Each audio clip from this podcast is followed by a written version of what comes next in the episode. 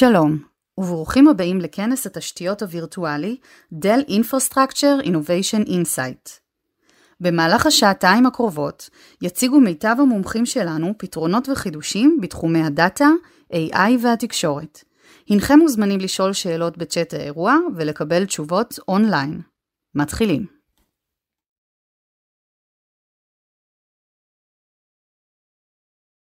שלום לכולם, שמי יניב גיאת, אני חלק מקבוצת ה presales בפיננסים ואני גם חלק מקבוצת ה-CTOs ב EMEA. היום אני רוצה לדבר איתכם על אסטרטגיית ה multi cloud של קבוצת דל טכנולוגיז. ונתחיל בהקדמה. אנחנו התחלנו בעצם לצעוד לעבר ה multi cloud בחמישה צעדים. הצעד הראשון היה בשנת 2003 עם הופעתו של ה-ESX, בעצם טכנולוגיה שדיברה על אה, שרתים פיזיים שממומשים על ידי שרתים וירטואליים. ב phase השני כבר הכלנו Data Services על בסיס השרתים הווירטואליים. אנחנו אפשרנו High Availability, DRS, Fault Tolerance, ואפשרנו גם לנייד שרתים וירטואליים משרת פיזי אחד לשרת פיזי אחר. ב stage השלישי כבר התחלנו לשמוע את הבאס של Cloud, שדיבר על Self-Service Provisioning, על האפשרות לצרוך משאבים מאיזשהו פורטל, על האפשרות למדוד את צריכת המשאבים ולחייב עליהם, על אוטומציה שנעשית מאחורה. ב phase הרביעי כבר שמענו את המינוח Hybrid Cloud. זה בעצם היכולת שלי לנייד משאבים במצב של burst. למשל ב Black Friday אני אוכל לנייד את המשאבים שלי ל public cloud וביום יום לממש בעצם את המשאבים ב data center כך שאני לא צריך לקנות משאבים על בסיס ה peak, אני יכול לקנות משאבים ב-average. והיום, בעידן של היום, אנחנו שומעים על ה multi cloud, שזה אומר מימוש של מספר עננים על ידי אותו ארגון. ארגון ה NIST, שהוא בעצם המכון הלאומי לתקנים וטכנולוגיה, הוא קבע ש cloud בעצם מתאפיין על בסיס חמישה קריטריונים. קריטריון ראשון זה ה-on-demand self-service, זה בעצם צריכת השירותים לפי דרישה. הקריטריון השני זה Broad Network Access, זה האפשרות שלי לגשת בעצם אל אותו ענן דרך LAN, דרך WAN או דרך VPN. הקריטריון השלישי זה Resource Pooling, זה בעצם האפשרות לגשת לפול בלתי מוגבל של משאבים.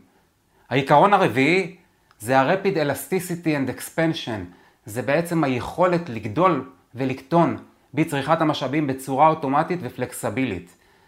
והדבר החמישי זה מה שהזכרתי קודם במודל ה cloud, זה היכולת לחייב בעצם על השירותים שאנחנו משתמשים בהם.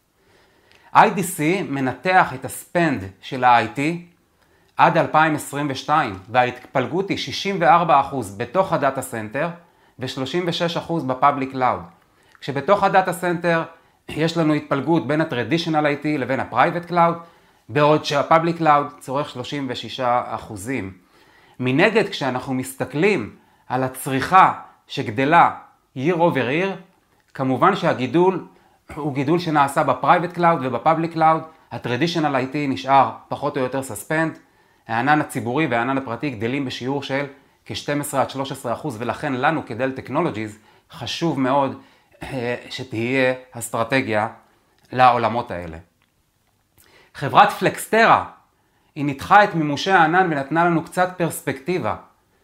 מעט מאוד לקוחות מבחינה אסטרטגית הם ממודלים עם ענן אחד. 84% מהלקוחות בעצם ממודלים על שני עננים או יותר. כשמתוך ה-84 האלה, רק 9% מהלקוחות מממשים שני עננים פרטיים, למשל VMware ומייקרוסופט. עוד 10% מממשים בעצם אה, מידול של שני עננים ציבוריים, אבל רוב רובם של הלקוחות, כ-58% מהלקוחות, מממשים בעצם שני עננים כשאחד מהם הוא ענן פרטי. ואני רוצה קצת לעמוד על טרמינולוגיה. מה ההבדל בין Hybrid Cloud לבין Native Public Cloud? ב-Hybrid Cloud אנחנו מממשים בעצם את אותה טכנולוגיה ב-on-prem וב-off-prem. לעומת Native Hybrid Cloud, Native Public Cloud, ששם בעצם הטכנולוגיה שממומשת בכל אחד מהעננים, GCP, AWS, Azure, היא טכנולוגיה שונה. ולכן, כשאנחנו מדברים על מיגרציה, ב-Hybrid Cloud אנחנו משתמשים באותו infrastructure ולכן המיגרציה היא בעצם פשוטה בין העננים השונים. אין צורך ב-VM conversion, לעומת זאת ב-Native Public Cloud, כשאני רוצה לנייד אפליקציה, כשאני רוצה לנייד VM מ-GCP ל-AWS ל-Azure, אני צריך לעשות מיגרציה, והמיגרציה הזאת היא לא פשוטה והיא לא seamless. אה, עד כאן הייתה הקדמה, דיברנו קצת על cloud, על טרמינולוגיה. עכשיו אנחנו רוצים לראות מה קורה בעתיד ולמה חשובה האסטרטגיה שלנו ומהי האסטרטגיה שלנו.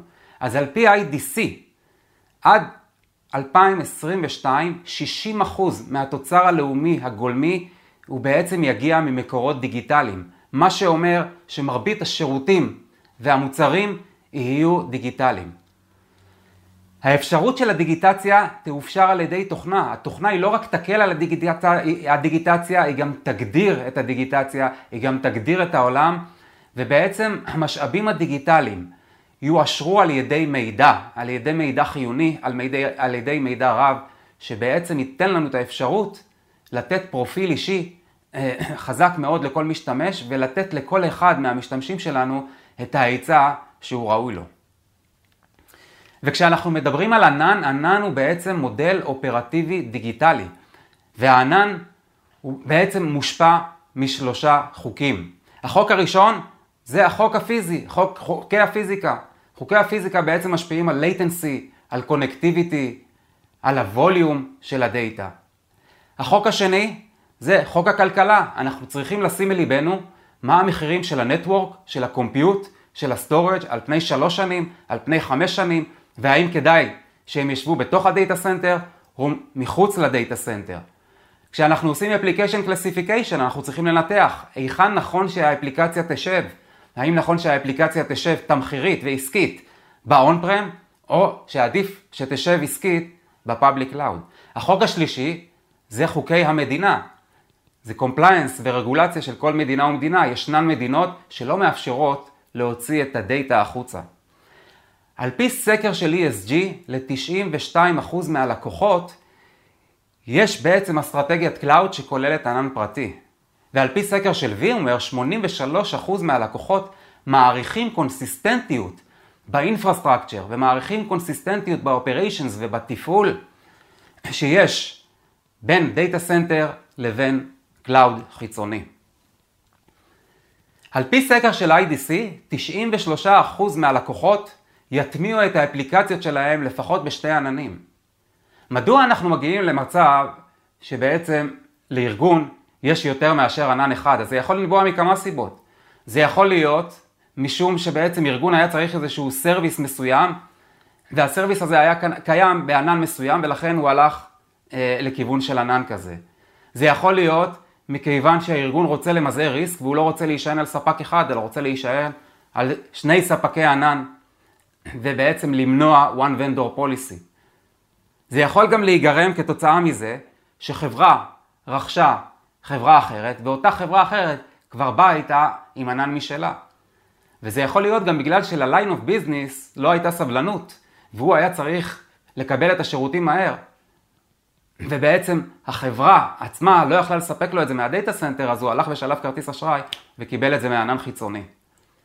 אבל ההישענות על יותר מענן אחד מביאה איתה אתגרים. והאתגרים בהישענות הם בעצם מספר אה, אתגרים. אחד, זה הנושא של ה operation וה management.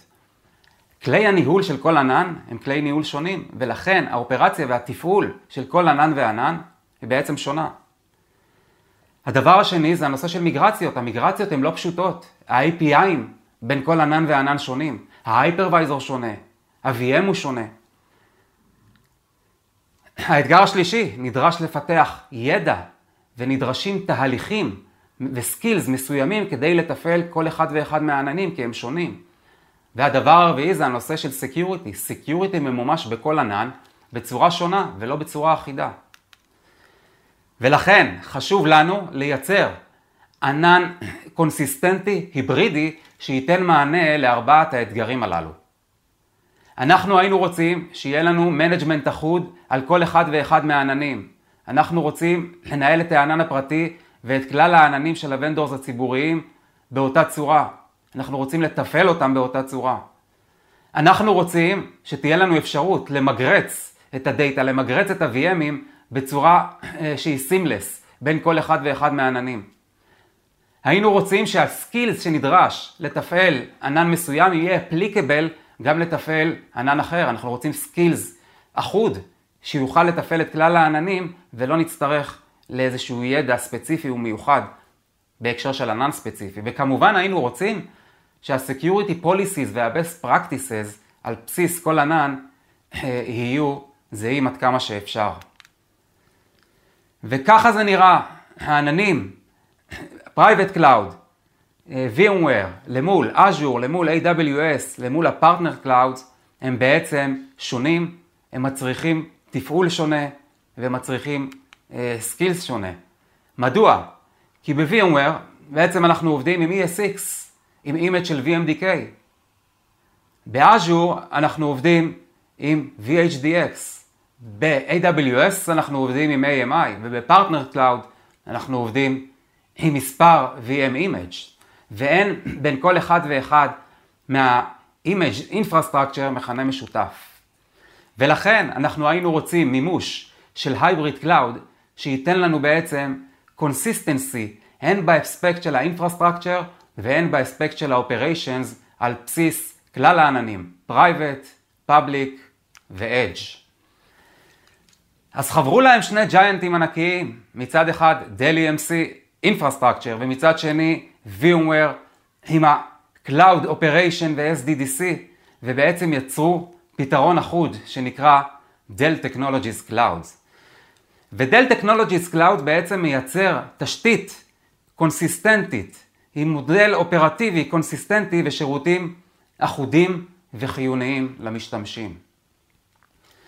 ובעצם מה שאנחנו מביאים ב-Dell EMC זה את ה-infrastructure של Dell Technologies Cloud שיכול לבוא בשלושה flavors. הוא יכול לבוא ב-flavors של Validated Design, שזה אומר שהלקוח עצמו בעצם קונה את ה-network, את ה-storage, את ה-compute, best of breed, על בסיס ה-compatibility matrix שאנחנו דורשים, כדי שזה יהיה חלק מה-Dell Technologies Cloud. והייתי אומר שזה בעיקר לטובת legacy application עם intensive workload. אבל מה שאנחנו רואים בצורה מאוד מסיבית, ומה שבעצם פוגש אותנו בדרך כלל בדל Technologies Cloud, זה ה-Hyper Converge Infrastructure בדמות V-Xrail. זה בעצם פתרון שהוא Data Center in a Box, עם Single Support, Single Management, שהלקוח לא צריך לבנות בעצמו, אלא הוא קונה אותו. וזה מהווה את אבן הבסיס של דל Technologies Cloud, Hyper Converge Infrastructure עם V-Xrail. וישנו עוד flavor, של Data Center as a Service, שזה flavor שבעצם אנחנו מביאים את הציוד ללקוח בליסינג עם Dell Financial Services, מי שמנהל את האופרציה של ה-cloud זה VMware, ובעצם הלקוח משלם על ה-licenses במודל של Subscription Based. אבל כפי שאמרתי, האופציה השנייה של ה-Hyper Converge Infrastructure VxRail זה לב ליבו של ה-infra של Dell Technologies Cloud. מצד שני, VMware מביאים לשולחן את VMware Cloud Foundation, שבעצם מאפשר לנו אה, להרחיב את האוטומציה בכל מה שקשור לניהול ה-cloud. זה מאפשר לנו לייצר deployment אחוד על פני אה, כל העננים, זה מאפשר לנו לבצע life cycle management ושדרוג אחוד לכל אחד ואחד מהעננים, ועל ידי הרחבת ה-SDDC לקלאוד ניתן לייצר best practices ו-policies שרלוונטיים לכל ענן וענן. וככה זה נראה, כשאנחנו עובדים עם VMware Cloud Foundation, אז VMware Cloud Foundation בעצם מהווה את הגשר בין כלל העננים, ובעצם מאפשר לנו לעבוד עם Consistent Infrastructure של VMware ו-Dell Technologies Cloud, ועם Consistent Operations בדמות VMware Cloud Foundation. ובעצם הפתרון הזה של Dell Technologies Cloud, כפי שאנחנו רואים אותו כאן, הוא בנוי מ-VMware Cloud Foundation מלמעלה, עם כל ה-stack של VMware, vRealize Suite ו-SDDC, ולמטה ב-infrastructure, Hyper Converge Infrastructure עם VxRail, כשיש לנו חיבור דרך VMware Cloud Foundation גם עם העננים הציבוריים השונים וגם עם כלל הפרטנרים שעובדים איתנו היום בכל מה שקשור אה, אה, ל-cloud עם Dell Technologies. ואם נסתכל על זה קצת פורמט של whiteboard, אז כשאנחנו מסתכלים היום על ענן פרטי, כדוגמת VMware ESX, ואנחנו מסתכלים על עננים ציבוריים עם AWS ועם Azure, אנחנו יכולים לראות שיש בעצם שונות, א', בהיבט של ה-infrastructure, כי בהיבט של ה-infrastructure, את ה-data center הפנימי VMware אני מנהל עם ESX. את Azure אני מנהל עם Hyper-V, ואת AWS אני מנהל עם EC2, AMI. ה-infrastructure הוא שונה.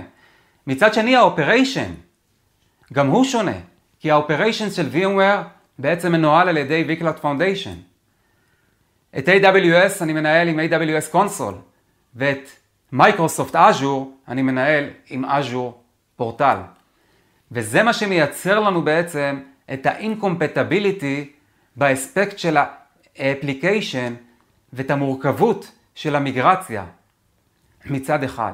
ומצד שני זה מייצר לנו silos בהקשר של ה-operations ובהקשר של התפעול. כדי להצליח לייצר Cloud היברידי קונסיסטנטי, אנחנו בעצם מותחים את vCloud Foundation לכל האורך, ו-vCloud Foundation בעצם זה המודל האופרטיבי שמנהל לנו את ה-Cloud, שדרכו אנחנו עושים deployment על ה-clouds השונים, שאיתו אנחנו עושים Life Cycle Management על ה-clouds השונים, שאיתו אנחנו מכילים את ה-Best Practices Policies על ה-clouds השונים. אז בעצם מבחינת האסטרטגיה שלנו, Dell Technologies Cloud Strategy, בעצם לייצר Cloud היברידי קונסיסטנטי שהוא רלוונטי לכלל העננים. הענן ב-data center והעננים החיצוניים, גוגל, אמזון ומייקרוסופט, על ידי זה שאנחנו מייצרים infrastructure שהוא קונסיסטנטי, אותו VM image שהוא קונסיסטנטי, ומודל אופרטיבי שהוא קונסיסטנטי בדמות vCloud Foundation. ועל ידי כך אנחנו בעצם מאפשרים את הקלות של המיגרציה בין כל אחד ואחד מהעננים. אנחנו מאפשרים management אחוד על כל אחד מהעננים. אנחנו מאפשר, מאפשרים את אותו ידע, את אותו skill set, כדי לנהל את כל אחד מהעננים. מודל אופרטיבי אחד על פני כל אחד מהעננים, ו-Security Policies על פי best practices שממומשים על כל אחד ואחד מהעננים. תודה רבה לכולם.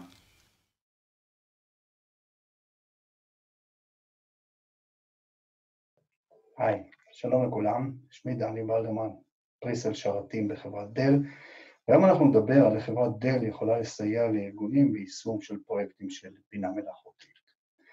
קצת רקע על בינה מלאכותית, בינה מלאכותית תחום שלמעשה קיים כבר עשרות שנים, הכינוי עצמו בא בשנת 1956, למעשה כמו כינוי לטכנולוגיה שמאפשרת למחשב לבצע פעולות אנושיות.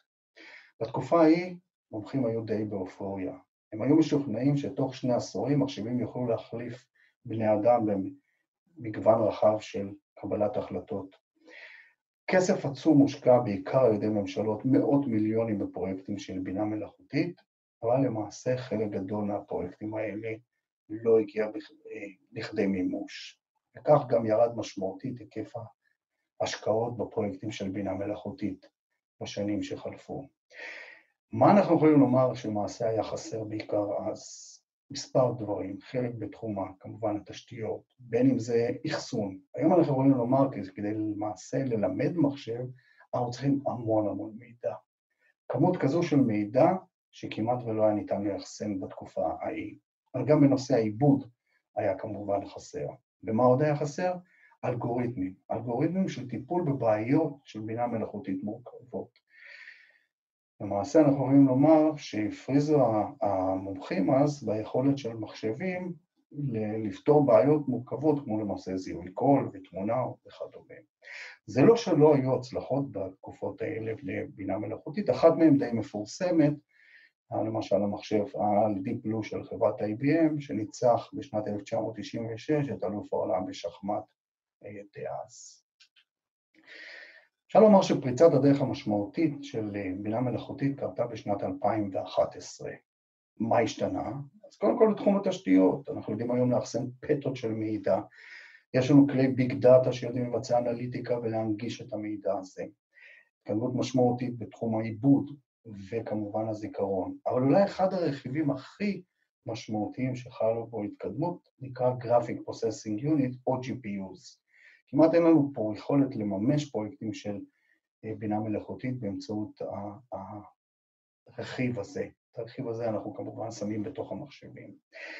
לצד ההתקדמות המשמעותית בתחום התשתיות, חלו גם התקדמויות בתחום האלגוריתמים. אחת מהן נקראת Machine Learning. Machine Learning, שהוא תת תחום למעשה בתוך אה, בינה מלאכותית, הוא למעשה הרעיון הבא. אנחנו נספק למחשב כמות גדולה מאוד של, של נתונים, ומבלי שאנחנו למעשה נגדיר ולמעשה נאמר למחשב מה לעשות עם הנתונים האלה, המחשב באמצעות אלגוריתמים של Machine Learning ידע לבנות מודל שהולם אה, בצורה מיטבית את אותם נתונים ותוצאות לצורך העניין שסיפקנו לו. אם תרצו, היכולת של מחשב ללמוד מן העבר למעשה כדי לחזות את העתיד. זאת אומרת, אם המודל הוא ברמת, אה, ברמה גבוהה מאוד הולם את הנתונים, אז סיכוי טוב מאוד שאם נכניס עכשיו נתון חדש, נוכל לחזות מה תהיה התוצאה שלו על סמך אה, נתוני העבר.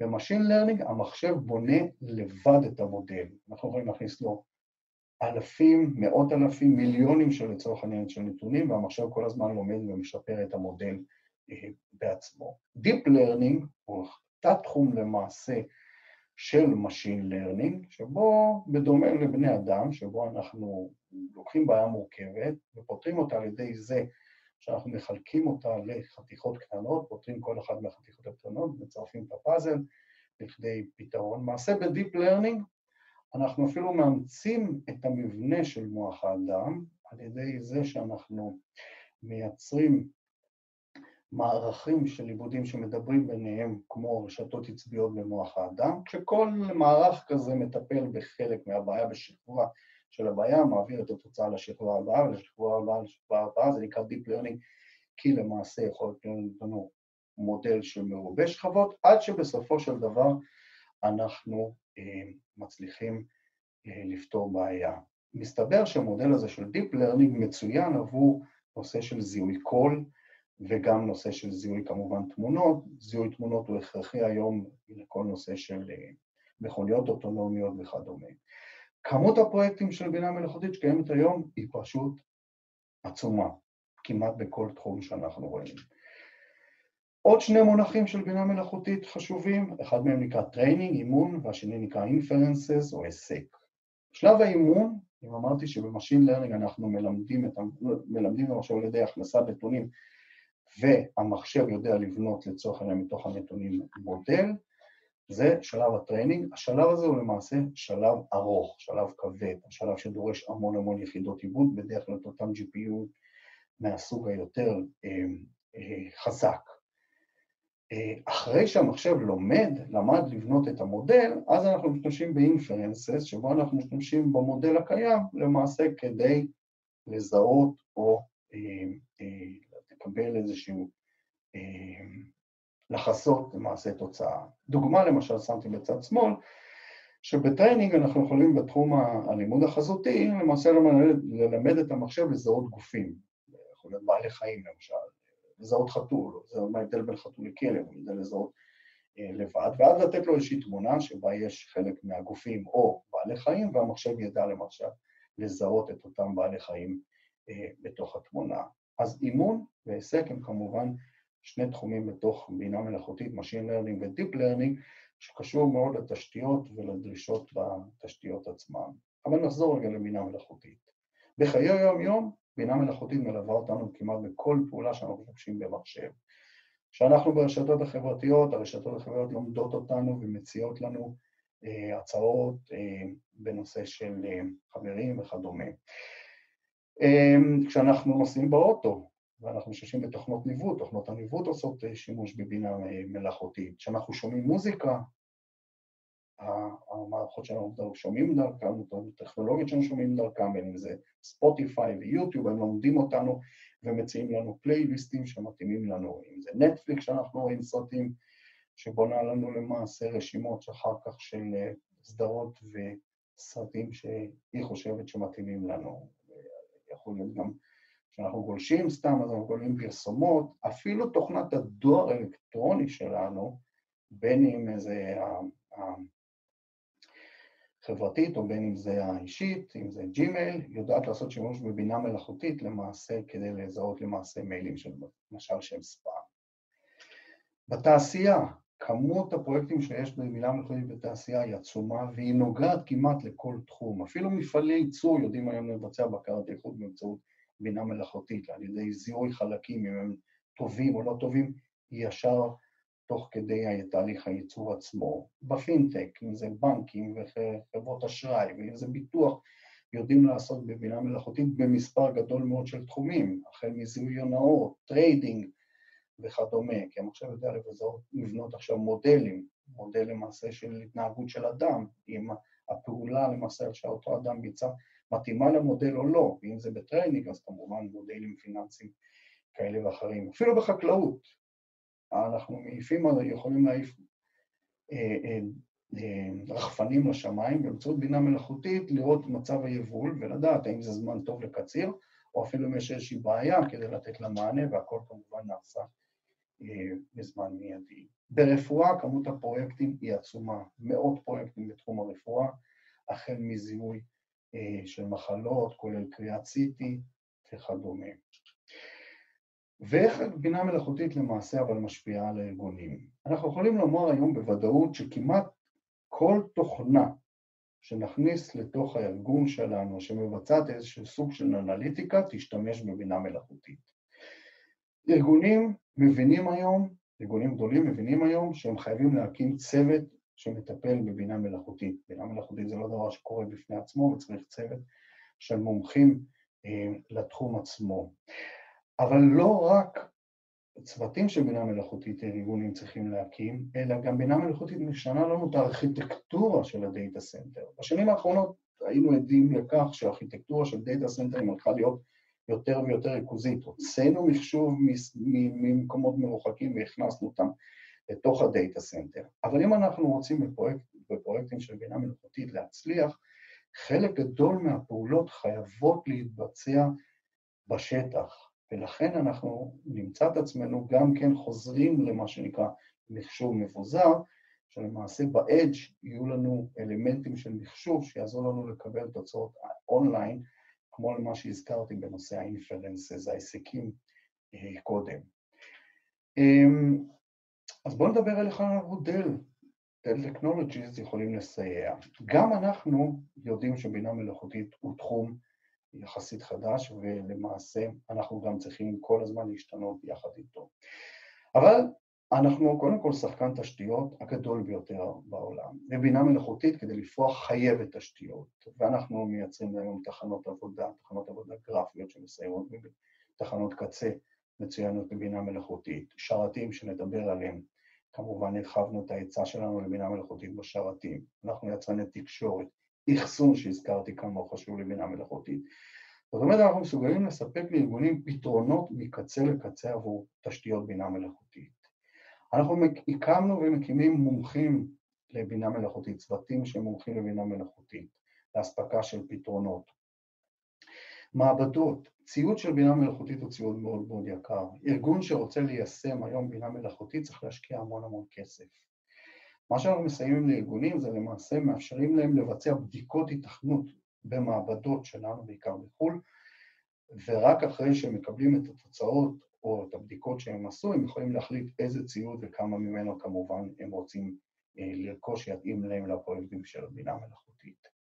אנחנו מפתחים פרויקטים של בינה מלאכותית מהבית, למעשה אפילו הקמנו גוף בישראל בבאר שבע שמטפל בפרויקטים של בינה מלאכותית, ולצד זה אנחנו מבצעים שיתופי פעולה עם חברות תוכנה שמתמחות בבנייה מלאכותית.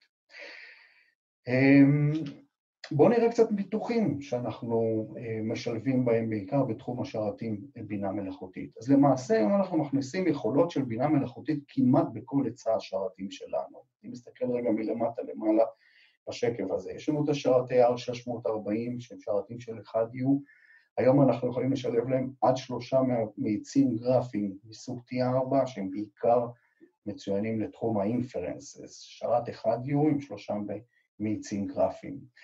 קצת עולים למעלה, שרתי שני U, אנחנו יכולים לאכלס שישה מאיצים גרפיים מהסוג שהזכרתי קודם, לבצע הרבה הרבה יותר inferences אונליין בשרתים הללו, אבל לצד היכולות הללו של inferences, אנחנו גם משלבים גם בשרתים האלה יכולות לבצע קצת Deep Learning באמצעות תמיכה בשלושה מאיצים גרפיים מהגדולים יותר, שמבצעים דרכם אימונים. אנחנו מזהים טרנד חדש של נושא של, של אנליטיקות של בינה מלאכותית על גבי מסדי נתונים. אז פיתחנו שרת שנקרא 940XA, אני קורא לו שרת 4 על 4, כי הוא ארבעה מעבדים עם ארבעה מאיצים גרפיים, עם כמות עצומה כמובן של זיכרון. גולת הכותרת אולי בתחום הפיתוח של שרתים לבינה מלאכותית אצלנו, או עם ה-C4140, שרת 1U עם ארבעה מאיצים גרפיים, וה-D SS 8440 עם יכולת תמיכה של עד עשרה מאיצים גרפיים, אני תכף אדבר עליהם. ה-DSS 8440, אני, אנחנו, אני קורא לו שרת האימונים, זה שרת ה training, הוא אידיאלי כמעט לכל המשימות הכבדות מאוד של training, בין אם המשימות של נושא של זיהוי קול, תמונה חזותית, מזג אוויר, ועוד עשרות רבות מן הסתם של אה, יכולות שהוא יכול להתאים להם. המחשב הזה תומך בעד עשרה מאיצים גרפיים מהכבדים ביותר, כמו NVIDIA טסלה V100, או שישה עשר מדגם uh, NVIDIA טסלה T4 שמתאימים לאינפרנסס. מחשב של שני מעבדים ועם יכולת שילוב של כמות גדולה מאוד של כונני NVMe, למי שצריך כמובן לשלב גם יכולת אחסון גם גבוהה וגם מהירה מאוד בתוך השרת. ה-C440 שמתאים גם ללמידה, גם ללמידה עמוקה, כלומר ל-Deep Learning, Machine Learning כמובן, אבל למי שצריך צפיפות גבוהה מאוד. זה שרת 1U שיכול לשלב עד ארבעה מאיצים גרפיים, אנחנו תומכים במספר ארכיטקטורות, גם NVMe, גם PCI Express בתוך השרת הזה, שרת של שני מעבדים, עם יכולת שילוב גם כמות גבוהה מאוד של זיכרון. אז זהו, תודה רבה לכם, תודה על ההקשבה, ונתראה בסשן הבא.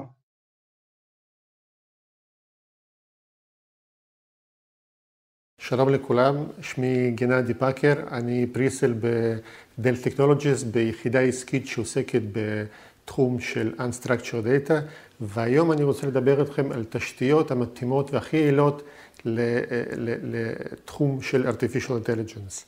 זה תחום שהוא מתחיל להיכנס לחיינו בכל מקום וזה בעיקר קורה בגלל שלושת הסיבות. קודם כל אנחנו מייצרים המון המון מידע, זה מתחיל. סושיאל מדיה, זה סנסור דאטה שזורם מכל מיני מקומות. רק לסנדר לכם אוזן שב... שכל המידע, 90% מהמידע שקיים היום בעולם, נוצר בשנתיים האחרונות בלבד. וכל זה בגלל שאנחנו באמת מייצרים המון דברים, ואנחנו מחזיקים היום בהמון המון כוח מחשוב. אפילו גיימר רגיל בבית מחזיק מתחת לשולחן HPC קטן בזכות כך שיש לו כרטיס GPU בתוך שרת שלו. יחד עם פיתוח של אלגוריתמיקה מתקדמת ותחום פיתוח שאנחנו עושים פה ביחד, יחד עם הכוח מחשוב וכמויות מידע מאפשר לנו לאמץ artificial intelligence כחלק מהתשתיות של כל תחום ותחום. לדוגמה, יש המון המון תעשיות שמאמצות artificial intelligence כחלק מפעילות שלהם, וזה מתחיל בפיתוח של רכב ללא נהג, וזה נמצא כמעט בכל מקום. רק בישראל יש עשרות חברות שעוסקות בתחום הזה, גם נציגויות של חברות גדולות כמו ג'נרל מוטורס, כמו מובילאיי, כמו רבות אחרות. זה נמצא בתחום פיננסי בכל מקום, זה נמצא בריטייל והרבה הרבה מאוד מקומות שונים. זה מתבטא בפיתוח טכנולוגי ובפתרונות שכולנו מכירים מצ'אטבוטים, זה כשאנחנו מתקשרים או מנסים להתכתב עם אחד החברות, אנחנו לא בהכרח מדברים עם בן אדם, אנחנו בהרבה מאוד מקרים מתקשרים עם איזשהו מנגנון אוטומטי שעונה לנו לשאלות הנפוצות, או למשל פתרונות של Customer 360, כל אותם call centers שאנחנו מתקשרים ורוצים לראות ולקבל תשובה מהירה, מוקדן עוד לפני שענה לנו לטלפון, הוא כבר ברוב המקרים יודע למה אנחנו מתקשרים אליו. כל אותן מערכות של streaming analytics יודעות לנתח שיחה נכנסת, לדעת מי מתקשר, מה הסיבה האפשרית, אולי זה אינטרנט נפל או אפליקציה לא עובדת, והמוקדן מראש כבר מוכן ויודע לתת לנו פתרון ותשובה, כי הוא כבר יודע ומוזן על ידי אותה מערכת בשביל להבין מה קורה ולמה אנחנו מתקשרים. יש לנו כבר לקוחות רבים בתחומים שונים ומשונים. יש לנו, למשל, לדוגמה, אוניברסיטה של פיזה, שיחד איתם אנחנו מפתחים אלגוריתמיקה מתקדמת ואנחנו מספקים להם תשתיות של HPC לטובת פיתוח הזה. למשל, חברה כמו Zenuity, שמפתחת אוטו ללא נהג, היא חלק מאוד משמעותי של כל המידע הנמצא על תשתיות שלנו. ודוגמה מאוד יפה גם של מאסטרקארד, שרצו להילחם ב-fraud detection, והיה להם קשה מאוד לנתח כל אותם לוגים וכל אותם פיסות מידע שנכנסות, בלי להקים תשתית בעזרתנו. יש עוד דוגמאות רבות, וזה רק תמצית של אותם לקוחות הגדולים שלנו. מבחינת artificial intelligence, חשוב להבין שיש סוג של תהליך ואבולוציה וגם דרישות שונות לטובת תשתיות. אנחנו כולנו גדלנו על תשתיות ראשוניות של Business Intelligence, על אותם דאטאבייסים, על Structure Data, ושם בעיקר זה התאפיין בכמויות מידע של טראבייטס בודדות, אולי קצת יותר, וביצועים גבוהים, אבל לא כמו שאנחנו יודעים לקבל היום. לאט לאט אנחנו הגענו ל-Predictive Analytics, ל-Business Intelligence, כל זה התחיל מאותן תשתיות של Hadoop שהתחילו להתפרס לפני כמה שנים, וזה לאט לאט נכנס גם ל-Machine Learning. אלה הדברים כבר נכנסו לתחום של Semi-Structure Data, אותו מידע שהוא כבר Classified, שהוא כבר מתחיל לקבל איזושהי תבנית, ופה אנחנו כבר מדברים על מאות טראבייטס, אפילו פטאבייט של מידע, שגם פה כבר אנחנו רואים צורך בלספק תשתיות שמספקות ביצועים של gigabytes per second, ובסופו של דבר כל זה מביא אותנו גם ל-Deep Learning, עם אותם use cases של Image Analytics ו-Video Processing, זה בעיקר מתבטא בתחומי רפואה ובתחומים של automotive, איפה שאנחנו צריכים לנתח המון המון קילומטראז' של וידאו שצולם, ו-video processing מצריך המון המון תהליכים מקביליים שרצים מול אותן מערכות אחסון, וזה מצריך יכולת לטפל בפטאבייט של המידע, petabytes רבים, ולספק ביצועים למיליוני threadים במקביל, ולתת ביצועים של עשרות gigabytes per second. זה לא סוד שלתשתיות כאלה, מערכות אחסון יכולות להיות לא מעט פעמים bottleneck, ולא פשוט להתגבר על אותן מגבלות של מערכות אחסון קלאסיות שקיימות ברוב התשתיות. לכן פה אנחנו באים עם פתרונות שלנו כ-Dell Technologies לתת פתרון שהוא מבוסס קודם כל על קונספט של scale out. ה-scale out מתבטא בכך שאפשר להתחיל מ-X storage nodes או X compute nodes ולגדול מכמות יחסית קטנה של 4-5 nodeים למימדים עצומים. למשל מערכות Isilon יכולות לגדול מ-4 nodeים עד 252 nodeים באותו cluster, וזה יכול להגיע לעשרות פטאבייט, כמו בדוגמה פה, כמו שאתם רואים ב-slide, שזה יכול להתחיל מארבעה ולגדול אין סוף, ובמקביל אנחנו יכולים גם לגדול ב-scale out, גם ברמה של storage nodes וגם ברמה של compute nodes. ואין פה מגבלה, וזה גם מאפשר גידול אה, עצמאי או ב-storage או ב-compute, תלוי איפה אנחנו רוצים להגדיל את היכולות שלנו. אנחנו מכירים הרבה מאוד כלים שנמצאים בתחום הזה. זה מתחיל מכלים קלאסיים של אנליטיקה כמו Cloudera או Splunk, הרבה מאוד משתמשים בכלים של open source כמו קפקא. גם אנחנו כ-Dell Technologies נכנסנו לתחום הזה ופיתחנו פלטפורמה שנקראת Nautilus, שהיא מספקת תשתיות ל-Internet of Things, שאנחנו יכולים לקלוט המון המון מידע מאותם סנסורים ולעבד אותם real time ואחר כך לשמור באחסון. אותם כלים של open source לטובת Deep Learning כמו TensorFlow או libraries חדשים של Spark ML שמאפשרים גם להשתמש בכלים של Spark לטובת Deep Learning. כל הכלים המרובים האלה יכולים לרוץ על תשתיות מאוד שונות של Computation. זה יכול להיות מגוון רב של שרתים של דל, זה יכול להיות Convert שלנו, וזה כמובן יכולים להיות אפליינסים של NVIDIA DGX. וכל המדבר שהוא מאוד מאוד מורכב עם עשרות רבות של כלים ורובם גם open source, כל זה אנחנו מאחדים ביחד על אותו data lake של, של מערכות אחסון שמתבססות על מערכות Isilon ו-object storage ECS. כולם ביחד בעצם אה, יכולים לקבל גישה מקבילית, זה לא משנה דרך איזה פרוטוקול, לא משנה איזה כלי ולא משנה גם איזה כלי חדש ייכנס לעולם, כל זה יכול לרוץ במקביל ולקבל גישה לאותו data set שמאוחסן במערכות Scale-out, איסלון או ECS.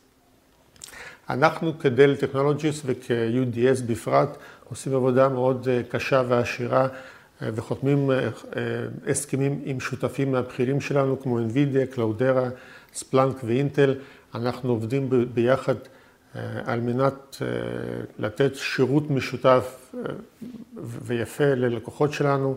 אנחנו מייצרים ביחד benchmarkים, מייצרים ביחד best practices, על מנת להקל על הקמת תשתיות כאלה, שהן בדרך כלל לא כל כך פשוט אה, להתחיל את התהליך, אבל אנחנו עושים עבודה קשה בשביל ביחד עם החברות האלה לייצר את זה. ה-certification קורית בהמון מישורים, למשל ל-machine learning, אנחנו. אה, עם מערכות של ECS ו- Isilon עשינו certification לטובת אה, עבודה מול Cloudera, למשל Isilon certified, פתרון HDFS ל-Cloudera, ויכול לרוץ כמעט עם כל כלי שרץ מעל ecosystem של Hadoop אה, אה, דרך HDFS. באותה מידה אנחנו סיימנו certification עם ECS לטובת ממשק של Object Storage עם S3 לכיוון ה-ECS, לכיוון ה-Cloudera, וזה מאפשר ליצור באמת פתרון שהוא מאוד דומה ל-Cloud Solution בתחום של Big Data. הפתרון של Deep Learning כמובן גם certified עם NVIDIA וזה מאפשר להריץ פתרונות של Deep Learning גם ב-applianceים של DGX וגם על שרתי PowerEdge עם אה, שימוש של אה, GPU בתוך שרתים האלה. כל זה certified ומאפשר אימוץ מאוד מהיר ופשוט של פתרונות האלה איתנו. כמו שאמרתי, אנחנו כל הזמן מייצרים best practices, white papers, אנחנו מייצרים המון בנצ'מרקים, אנחנו מייצרים אה, לא מעט עבודה משותפת על מנת להקל על הלקוחות שלנו, לתת להם כלים מובנים ופשוטים, וזה מאפשר באמת לאמץ טכנולוגיות האלה שהן מצד אחד יחסית מורכבות, אבל מצד שני בעזרת עבודה שלנו עם הוונדורים האלה, מאפשרת להקל ולהקלה ולמימוש מאוד מהיר של פתרונות. אה, היתרונות רבים במימוש של פתרונות של AI על בסיס פתרונות של Isilon ו-ECS. קודם כל, High Performance. הפתרונות של Isilon כמו שאמרנו, יכולות להתחיל מיחסית קטן, אבל יכולים לגדול עד מאות של uh, storage nodes בתוך cluster, וזה מאפשר לספק, לספק ביצועים עד מאות gigabytes per second, ולשרת מיליונים של ת'רדים מקבילים, ולאפשר גישה מקבילית לאותם data set שנמצאים ב data lake שלנו. זה מאפשר למנוע uh, אותם סיילואים מבודדים של פתרונות של אחסון ולאחסן כל סוגי מידע בתוך אותו repository, בתוך אותו data lake. זה מאפשר ליצור אה, סביבה מאוד נוחה לעבודה ולכן לא משנה איזה כלי את, אתם תרצו להשתמש או איזה תוכנה תרצו להריץ, כל זה יכול לגשת בצורה מאוד פשוטה ומקבילית ל data set אה, שנמצא באותו data lake מאוחד שנמצא על תשתיות של Isilon ו-ECS. הגמישות ויכולות scale פה מאוד פשוטות. אנחנו פשוט כל פעם שנרצה לגדול ב performance או ב capacity, נוכל להוסיף עוד storage nodes, נוכל להוסיף עוד compute nodes ולגדול בצורה של scale out בדיוק ברגע הנכון. אם היום אנחנו נמצאים ב-X capacity, זה מה שנרכוש. ברגע שנרצה לגדול, נוכל להוסיף עוד כמה storage nodes ולגדול גם ב performance וגם ב capacity בצורה ליניארית, בצורה מאוד פשוטה. וזה קל מאוד, אפילו ילד יכול לעשות את זה, רק לצרף node ל cluster, קליק אחד ב GUI ו file system מתרחב, כל הנפחים מתאזנים, קליינטים ות'רדים מתפזרים על ה cluster והכל עובד בצורה מאוד פשוטה ויעילה. כל זה ביחד מגיע עם data governance מובנה, שאנחנו יודעים לספק רמות הגנה מאוד גבוהות ל data, אנחנו יודעים לספק כל אותם data services כמו סנפשוטים וריפליקציה ו auditing, כל זה מאוד קל למימוש, וזה חלק מהפיצ'רים של המוצרים שלנו שתמיד נמצאים בפנים ומאוד קל להשתמש בהם. לבסוף, כשלב הבא, אנחנו מאוד נשמח להיפגש איתכם. אם החיים שלנו טיפה נהיו פשוטים יותר וכן נוכל לצאת החוצה, נשמח לפגוע איתכם פגישות על מנת לבחון את הפתרונות שאתם מחפשים, לראות את הסביבות שלכם קיימות ועל מנת לבנות פתרון הכי מתאים והכי נכון בשבילכם בצורה הכי פשוטה. כך שנשמח לפגישה קרובה איתכם ביחד. תודה רבה וניפגש בקרוב.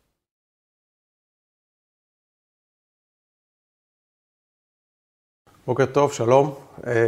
שמח מאוד שהצטרפתם אלינו לאירוע הווירטואלי המיוחד הזה.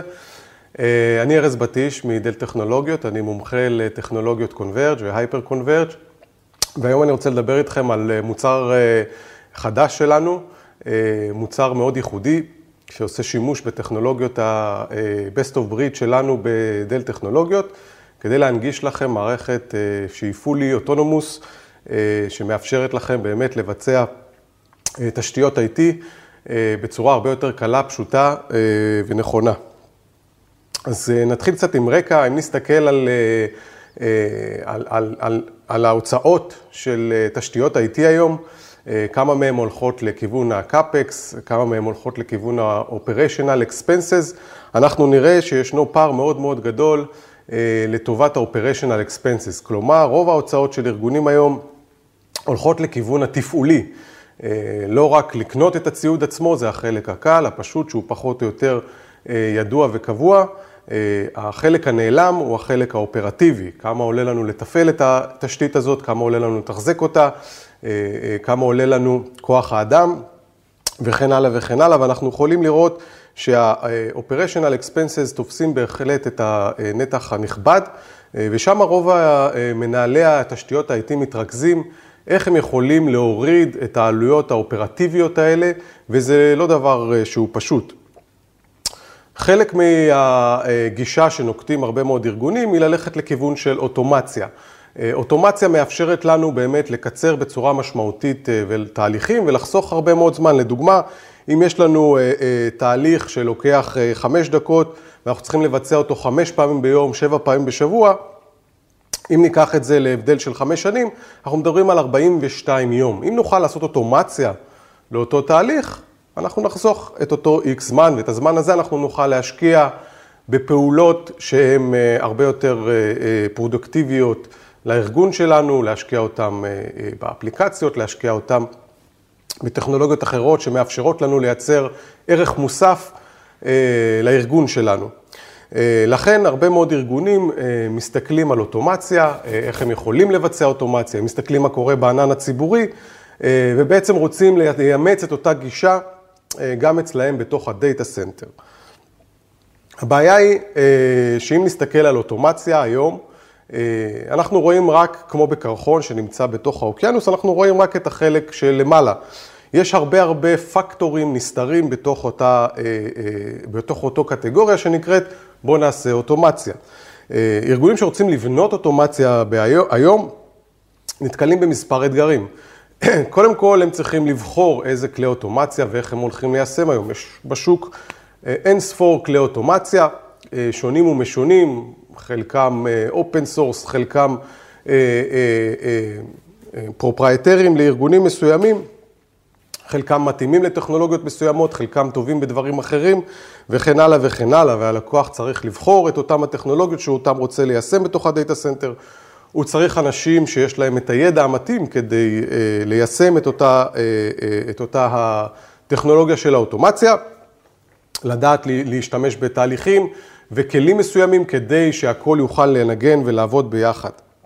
אחר כך, אחרי שהוא בנה את אותה אוטומציה, ואוקיי, היא עובדת לי והכל בסדר, מתחיל האתגר היותר קשה, איך אנחנו בעצם משמרים את אותה אוטומציה שהיא ממשיכה לעבוד וממשיכה לתפקד גם ביום השני וביום השלישי וכן הלאה וכן הלאה. ה data center שלנו הוא דבר חי, אנחנו כל הזמן משדרגים גרסאות, מכניסים מוצרים חדשים לתוך ה data center, מקבלים דרישות חדשות, תהליכים חדשים, אפליקציות חדשות, והאוטומציה צריכה לרדוף אחרי אותם שינויים בתוך ה data center, וזה אתגר מאוד גדול. מכיוון שאנחנו אלה שבנינו את כלי האוטומציה, אנחנו אלה שגם צריכים לתחזק ולתפעל אותו ביום-יום, וזה באמת מייצר המון אתגרים. משלבים של אבטחת מידע, דרך שלבים של תחזוקה יומיומית ובדיקות אינסופיות כדי להתאים את האוטומציה לצרכים שלנו. אנחנו בדל טכנולוגיות מבינים את האתגר הזה שלכם, ואנחנו חושבים שהדרך הנכונה היא לא לבנות אוטומציה, אלא לצרוך אוטומציה, אוקיי? זאת אומרת, אם היום אתם מסתכלים על בניית אוטומציה כיעד לחיסכון ולשיפור התהליכים בתוך ה data center שלכם, אנחנו מאפשרים לכם לצרוך אוטומציה מן המוכן, לקחת מערכת שאנחנו אלה שאמונים על בניית האוטומציה שלה, על התחזוקה שלה, על ההנדסה של אותה, של אותה אוטומציה, כדי שהיא תתאים בצורה מיטבית לתשתית עצמה. במקום ללכת לגישה של Infrastructure as a Code, ואתם אלה שתשבו ותחשבו על כל התהליכים, אנחנו מאפשרים לכם לעבוד בצורה דקלרטיבית, בצורה הצהרתית, אתם תגידו למערכת מה אתם רוצים, מה היעד הסופי שלכם, והמערכת מאחורי הקלעים תעבוד בעזרת APIs חכמים כדי להביא אתכם ל-desire state, אל המצב שאליו אתם רוצים להגיע. במקום להתעסק כל היום בפעולות אדמיניסטרטיביות, אתם תחסכו המון המון זמן על ידי זה שאתם פשוט תצרכו את אותה אוטומציה מן המוכן, שהיא כמובן כל הזמן מתפתחת וכל הזמן מתאימה את עצמה לתשתית המתפתחת. ובעצם מה שאנחנו מנסים לעשות לכם, זה לקחת אתכם למה שנקרא Self-Driven Infrastructure, אוקיי? אמרנו שארגונים מסתכלים על תשתית ענן ציבורי, כאיזושהי אוטופיה שאליה הם רוצים להגיע, למה? כי שם הם בעצם רק צורכים את השירותים, הם לא מתעסקים במה שקורה בתשתיות למטה, חוסך להם המון כאב ראש, המון זמן, מאפשר להם באמת עבודה שמאוד מפוקסת על הצרכים של הארגון עצמו ברמה האפליקטיבית ופחות התעסקות בתשתית. אך יחד עם זאת, לא תמיד ניתן ללכת לענן ציבורי מהמון סיבות שונות ומשונות. והרבה ארגונים עדיין ממשיכים לעבוד בתוך ה-on-premise שלהם, בתוך ה data center, וזה כמובן ימשיך לשנים הבאות. וזו המטרה שלנו, להביא לכם תשתיות שמאפשרות לכם ליישם או לקבל תוצאות של Cloud, אבל שאתם לא תצטרכו לבנות אותה, אתם פשוט תצרכו אותה בצורה קיימת. המון המון אוטומציה שתאפשר לכם ליישם את התהליכים האלה בצורה הרבה יותר קלה ומהירה, כאשר היעד כמובן הוא data center שלם שהוא משהו נקרא אוטונומי לחלוטין, אוקיי? אתם רק תצרכו את השירותים, אתם רק תבקשו את מה שאתם צריכים ותגדירו את היעד הסופי והמערכת החכמה מתחת לפני השטח תדע להפעיל את כל החלקים השונים ולהביא אתכם לאן שאתם צריכים. בואו רגע נסתכל מה קורה היום בתוך ה data center מבחינת Infrastructure. אנחנו מדברים על שני עולמות, עולם ה-Traditional Operations או ה-Traditional Infrastructure, שבנוי מ storage מרכזי, מערכי SAN, שרתים, תקשורת, רוב הארגונים עובדים בצורה הזאת. באמת מאפשר לנו לקבל תשתית שהיא מאוד מאוד חזקה, מאוד מאוד מהירה, מאפשרת לנו באמת להריץ כל סוג של workload על גבי אותה תשתית. היא מאוד מאוד גמישה, יש לי המון סוגים של מערכי אחסון שאני יכול לבחור מהם, המון סוגים של שרתים ותקשורת שאני יכול להתאים אותם לצרכים המדויקים של האפליקציות שלי. וזה כמובן תשתית שהיא מאוד מאוד מוכחת, המון המון שנים נמצאת בתעשייה, מאוד מאוד יציבה. ניתן לסמוך עליה שתריץ את האפליקציות הכי קריטיות שלנו בארגון. מן הצד השני אנחנו מסתכלים על טכנולוגיות מתקדמות יותר, לדוגמה Hyper-Converge, שמאפשרת לנו באמת לפשט בצורה משמעותית את תהליכי האופרציה של תשתית מסורתית. היא בדרך כלל מאוד חכמה, מכילה המון כלי אוטומציה שמאפשרת לנו להקים, לתפעל, לשדרג בצורה מאוד קלה את התשתית עצמה, המון הסתכלות על Life Cycle Management, וחלקן גם מאפשרות לנו לצרוך אותה במודלי צריכה שונים, מה שנקרא Cloud Outcomes בתוך ה data center שלנו.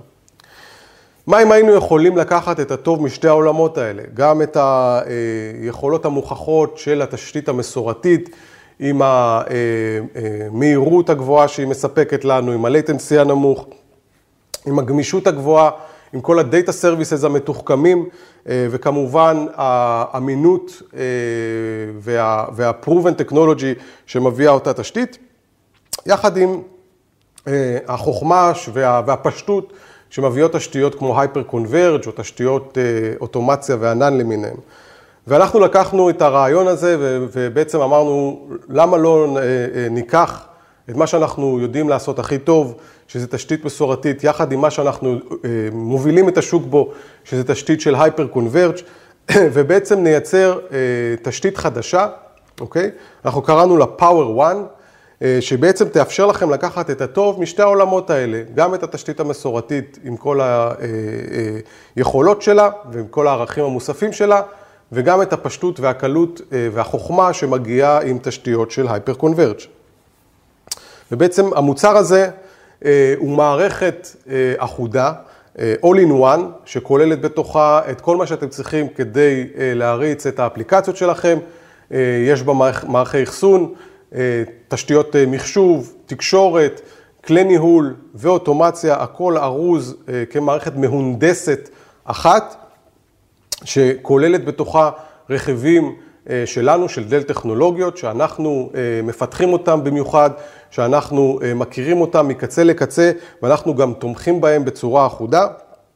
כל המערכת עובדת בצורה אוטונומית, אתם לא מתעסקים יותר באופרציה ובתפעול וב setup של הרכיבים הבודדים, אתם עובדים מול ממשקי ניהול מתקדמים, כולם מונעי API, שמאפשרים לכם בעצם להוריד בצורה משמעותית את, תהליך, את תקורת האופרציה שלכם בתוך ה data center, וגם מאפשרים לצרוך אותה במודלי צריכה גמישים.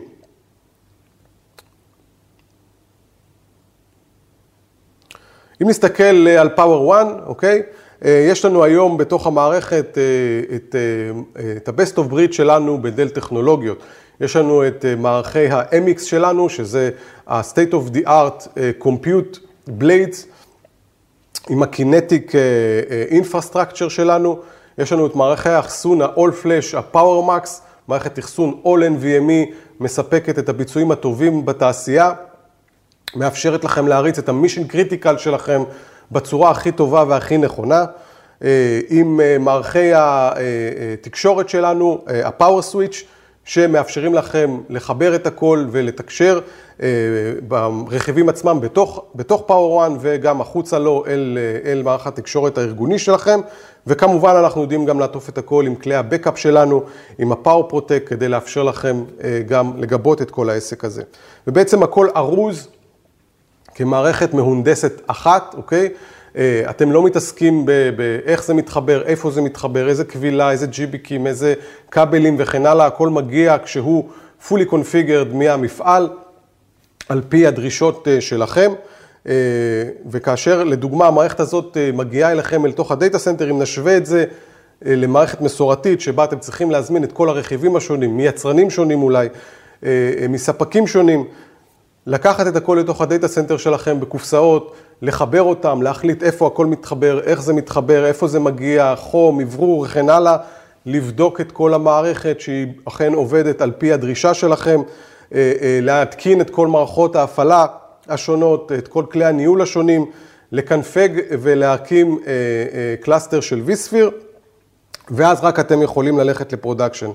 אם נסתכל על מה קורה ב Power One, אתם מזמינים את המערכת לפי הספציפיקציה שלכם, היא מגיעה מהמפעל כשהיא מוכנה לעבודה, אתם מחברים אותה אל הרשת שלכם, מערכת האוטומציה עושה setup ו bring-up לכל העסק הזה בצורה אוטומטית, על פי הספציפיקציות שלכם, על פי כתובות IP שלכם, על פי כל הנתונים שאתם מספקים לה, ויכולה להביא אתכם לעבודה, ל production, בזמן מאוד קצר, אנחנו יכולים לחסוך 98% מהפעולות המנואליות, מהפעולות הידניות שמתבצעות בהקמה של תשתית IT מהסוג הזה, בצורה קלה ופשוטה. אז אם נסתכל ונעשה אנלוגיה לעולם הרכב, אז אם בעבר או עד היום חלק עובדים בצורה מנואלית, הכל מנואלי בתוך מכונית בעבר, מההילוכים דרך, חלונות, דרך החלונות וכן הלאה. היום רוב המכוניות מביאות לנו המון אוטומציה בפנים, אנחנו משתמשים באוטומציה להילוכים, לחלונות, למגבים, להמון המון דברים, וכמובן אנחנו מסתכלים בעולם הרכב על אוטונומיה מלאה, כלומר אנחנו נגדיר את היעד והמכונית תיקח אותנו לשם, זה המטרה שלנו בעולם של Power One. Power One, ב Power One פיתחנו מערכת ניהול מאוד ייחודית, נקראת Power One Controller, שבנויה על, על, על טכנולוגיה שהיא state of the art מבחינת Cloud Native, מונעת על ידי Kubernetes, הכל בקונטיינרים ו Ansible, שמאפשרת לכם בעצם לייצר את כל האוטומציה הזאת בתוך אותה תשתית. Power One Controller יסייע לכם להתקין את המערכת בעזרת Launch Assist, המערכת מגיעה אליכם, אתם מגדירים איך אתם רוצים שהמערכת תקונפג, כתובות IP, שמות שרתים, DNS, כל הפרטים הקטנים הללו, מזינים אותם פנימה, לוחצים על כפתור והמערכת בעצם מקנפגת את הכל מההתחלה ועד הסוף, כולל הפריסה של תשתית VMware עם ה-vCenter, עם הקלאסטרים, עם ההגדרות וכן הלאה. Life Cycle Assist יאפשר לכם לשדרג את המערכת בצורה קלה ופשוטה, אתם פשוט מורידים את הגרסת קוד שאליה אתם רוצים להגיע, שהיא כבר נבדקה, לוחצים על כפתור והמערכת תשדרג את כל התשתית, כולל תשתית ה-vSphere שלכם, וכמובן Expansion Assist, מחר אתם רוצים לגדול ולהתרחב, המערכת תאפשר לכם גם לעשות את זה בצורה שהיא קלה ואוטונומית.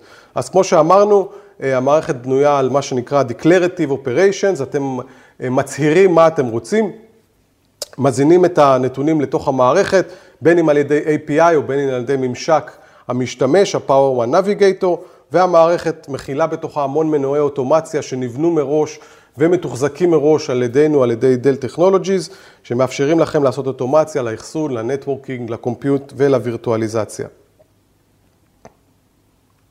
וכמו שציינו, המערכת היא כוללת תשתית מסורתית עם כל הטכנולוגיות ה-latest and greatest שלנו בדל, PowerMax, MX Servers, Power Networks, וכמובן כל כלי הגיבוי והאופרציה שלנו. היתרונות שמערכת כזאת יכולה להביא לכם, זה באמת הורדה משמעותית של, של הסיכון בהקמה ותפעול של תשתית IT מסוג כזה, במיוחד לאפליקציות הקריטיות שלכם בתוך הארגון, חוסכת לכם המון זמן, חוסכת לכם המון אה, אה, אה, אופרציה מהבחינה הזאת. מורידה לכם את הסיכון של תקלות ובעיות בתוך ה data center, מכיוון שזו מערכת מהונדסת ומנוהלת בצורה אחידה עם כל התאימויות בין הרכיבים השונים, ובעצם מאפשרת לכם בגדול להוריד בצורה משמעותית את תקורות הניהול של התשתית המסורתית שלכם בתוך ה data center, על ידי זה שאתם באמת פחות מתמקדים באופרציה ובתפעול ובתחזוקה היומיומית. ויותר מסתכלים על מה שקורה למעלה, על האפליקציות, ואיך אתם מביאים ערך לארגון שלכם. תודה רבה שהקשבתם לנו. אם תרצו ללמוד עוד, אתם כמובן יודעים לאן לפנות, ואתם יכולים לקבל עוד מידע באתר שלנו. תודה רבה ולהתראות.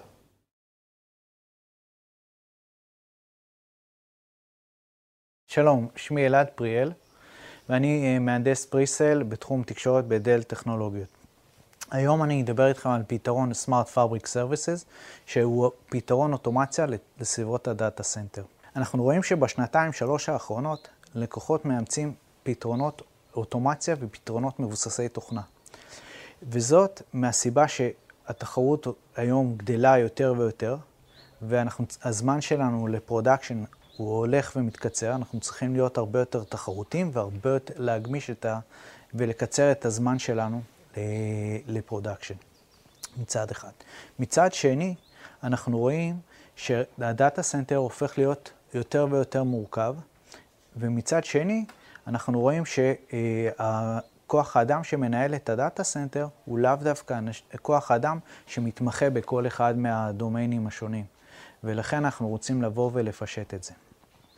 דבר שלישי שאנחנו רואים בתוך ה data center, זה שהיום אנחנו נדרשים הרבה פעמים, לבוא ולנהל data center שמרוחק מאיתנו עשרות ולפעמים גם מאות קילומטרים מאיפה שאנחנו נמצאים פיזיים. ולכן אנחנו צריכים משהו שיבוא ויקל עלינו את התהליך ואת העבודה היומיומית באותם דאטה סנטרים.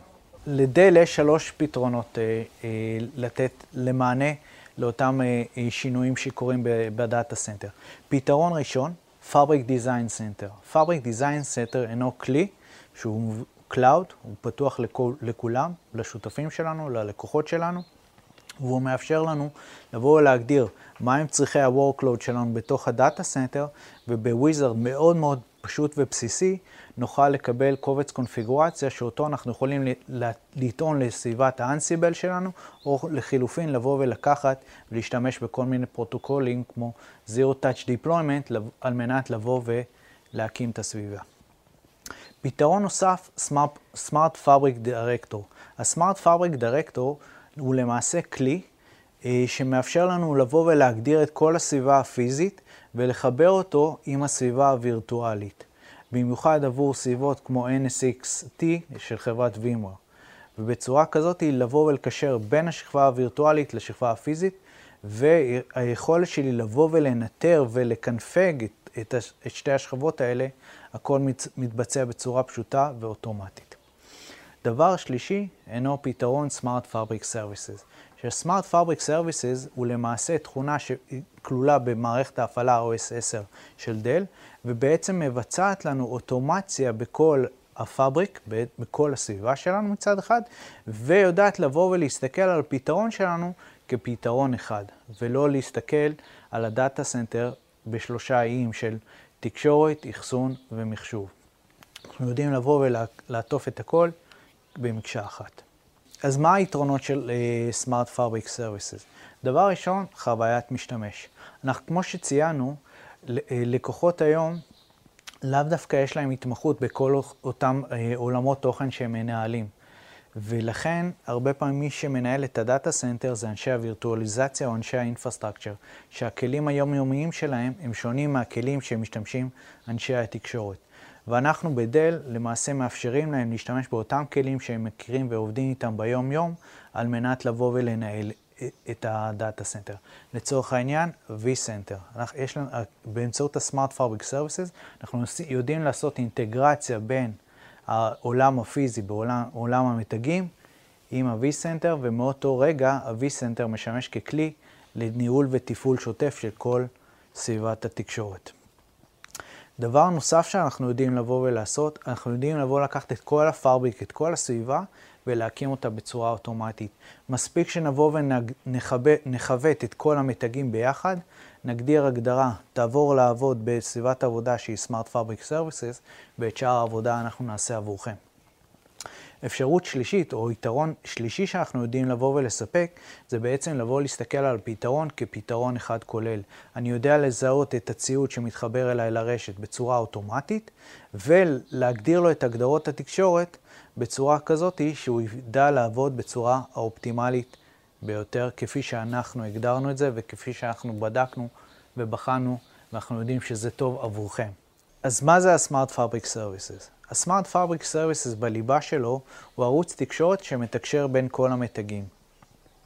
כאשר על מנת לבוא ולהתקשר עם העולם החיצוני מעבר לסביבת התקשורת, אנחנו משתמשים ב-REST API, שהוא למעשה יודע לבוא ולהתחבר לכלים שונים. אנחנו יכולים להשתמש בכלי שנמצא על המתג עצמו, שזה ממשק גרפי שאנחנו פיתחנו. אנחנו יכולים להשתמש, להשתמש ב-vCenter, שמאפשר לי לבוא ולדבר עם סביבה וירטואלית. אני יודע לדבר עם סביבת השרתים שלנו באמצעות אותו Open Manage. אני יודע בהמשך, אנחנו גם נתמוך באנסיבל, דבר שיאפשר באמת לבצע אוטומציה גם ל-DevOps. אנחנו מבחינים בשלוש תצורות עבודה אה, של ה-Smart Fabric Services. תצורה ראשונה היא תצורה עבור data center. בסביבה כזאת, הרבה פעמים הארכיטקטורה היא מבוססת spine and leaf, אז אנחנו יודעים לבוא ולהגדיר. הרבה פעמים יהיה לנו vCenter בסביבה הזאת, אז אנחנו נדע לבוא לעשות אינטגרציה ל-vCenter. למעשה אנחנו מתאימים את עצמנו לסביבות, לסביבות הנפוצות ביותר עבור הלקוחות שלנו. אפשרות נוספת זה לבוא ולעבוד בסביבה שהיא אה, אה, עבור סביבת ה modular chassis, ה-MX 7000. בסביבה הזאת אנחנו יודעים לבוא ולקחת מספר מארזים שונים ולחבר ביניהם בצורה אוטומטית, ובצורה הזאת לבוא ולנהל את כל ה data center. בסביבה של Isilon, בסביבת האחסון שלנו, אנחנו יודעים גם שם לעבוד בצורה מסורתית. בצורה הזאת אנחנו נעבוד לכאורה גם ב spine and leaf, אבל אנחנו נתייחס לכל סביבה כ fabric נפרד, בהתאם לדרישות שה Isilon דורש. כל הפתרונות האלה, כל הישויות האלה שאנחנו יודעים ליישם ב Smart Fabric Services, נתמכים על מתגים מסדרת S ומסדרת ה-Z, למעט בסביבת ה-MX, שזה אותם המתגים שנמצאים בבליידים. בנוסף לזה, יש לנו כלי שפיתחנו, שהוא בעצם נותן לנו מקום ניהול מרכזי, אה, שנקרא Open Managed Network Integration, או בקיצור OMNI. אז הוא נותן לי פעם אחת מקום דרכו אני מנהל את כל הסביבה שלי. הוא, יש אינטגרציה מלאה עם vCenter, אז אני יודע לבוא ולתרגם את אותן הגדרות שביצעתי ב-vCenter ולתרגם אותן לשכבה הפיזית. אני יודע באמצעותו לבוא ולהכניס שירותים נוספים לאותה סביבה, ואני יודע לבוא ולהקים את הסביבה הזאת בצורה דינמית, ללא מגע יד אדם. דבר נוסף שאני יודע לבוא ולתת בסביבה הזאת, זה בעצם ליצור policy enforcement. לצורך העניין, חיברתי שרת, זה הפרופיל שלו, ככה הוא אמור להתחבר אה, לרשת, ומאותו רגע, כאשר אני אחבר שרת נוסף מאותו סוג, אוטומטית הפרופיל הזה יחול גם על השרתים החדשים.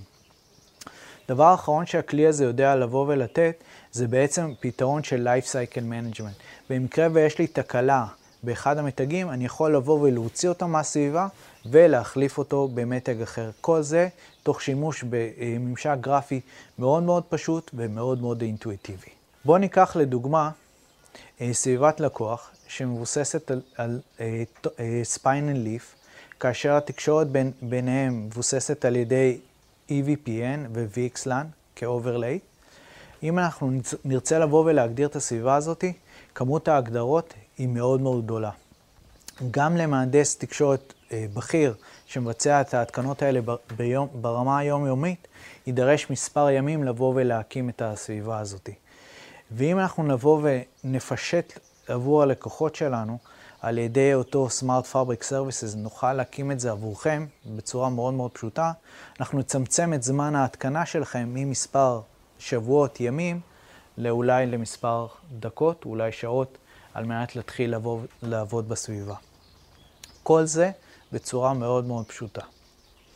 ותחשבו על מצב שבו יש לכם תקלת תקשורת ואתם רוצים לבוא ולהחליף את המתג, תחשבו כמה זמן ייקח לכם לבוא ולהגדיר את אותן הגדרות על המתג החדש. כל זה אנחנו יודעים לבוא ולעשות לכם בצורה אוטומטית ודינמית.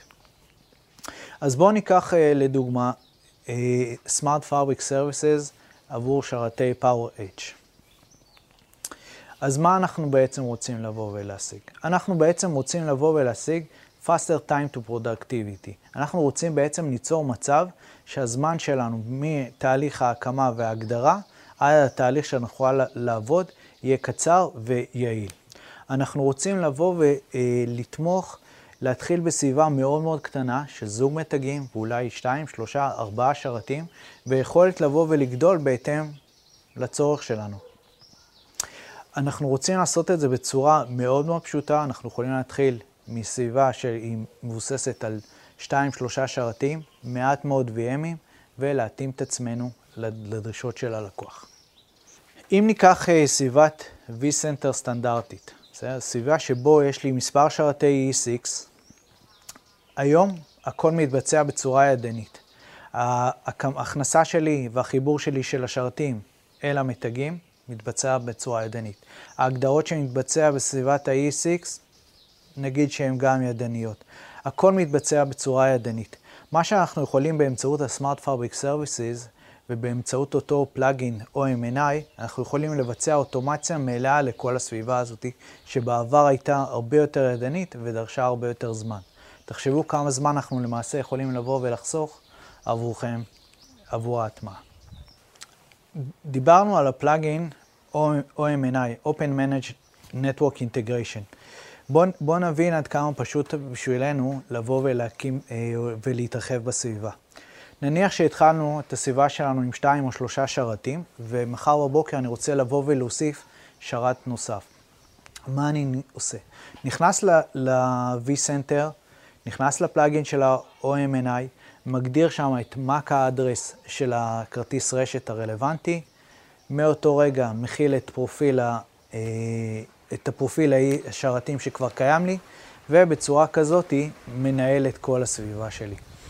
דבר נוסף, כל הפעולות שאני מבצע בתוך ה-vSender, כלומר הקמה, הקמה של VM חדש, שיוך שלו, של אותו VM, לס, למתג וירטואלי ול-VLAN ספציפי, כל ההגדרות האלה מתורגמות ישירות אל השרת.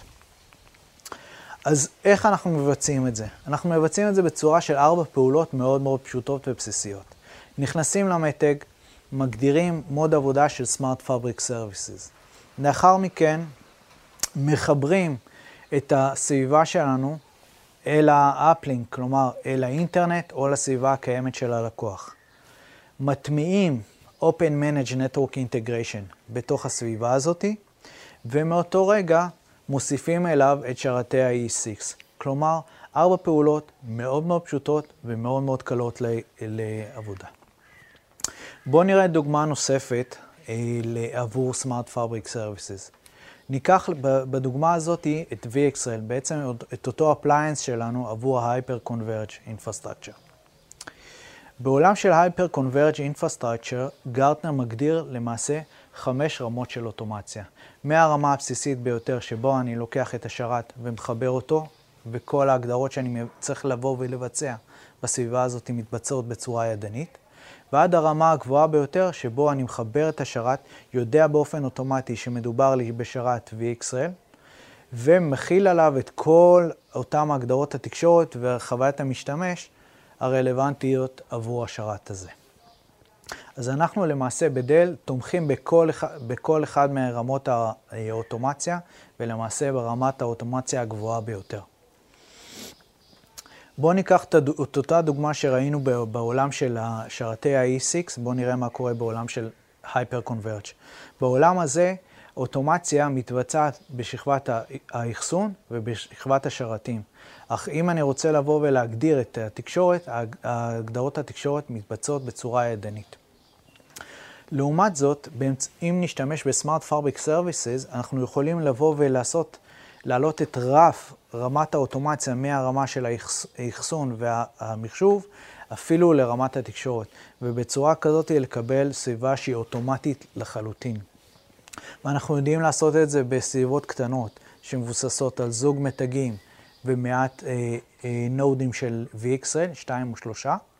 ויודעים לבוא ולגדול בעצם לסביבה שהיא יכולה להכיל מספר רב של שרתים ומספר רב של ארונות. איך אני מבצע את זה? כמו, ש... כמו שראינו בשרתי ה-E6, גם פה אנחנו מבצעים את זה בארבע פעולות מאוד מאוד בסיסיות. מגדירים אה, האם המתגים שלי הם מדגי ליף או מדגי ספיין, נותנים Enter, המתג מתחיל אה, מתחיל את עצמו מחדש, ולמעשה עולה במוד עבודה של Smart Fabric Services.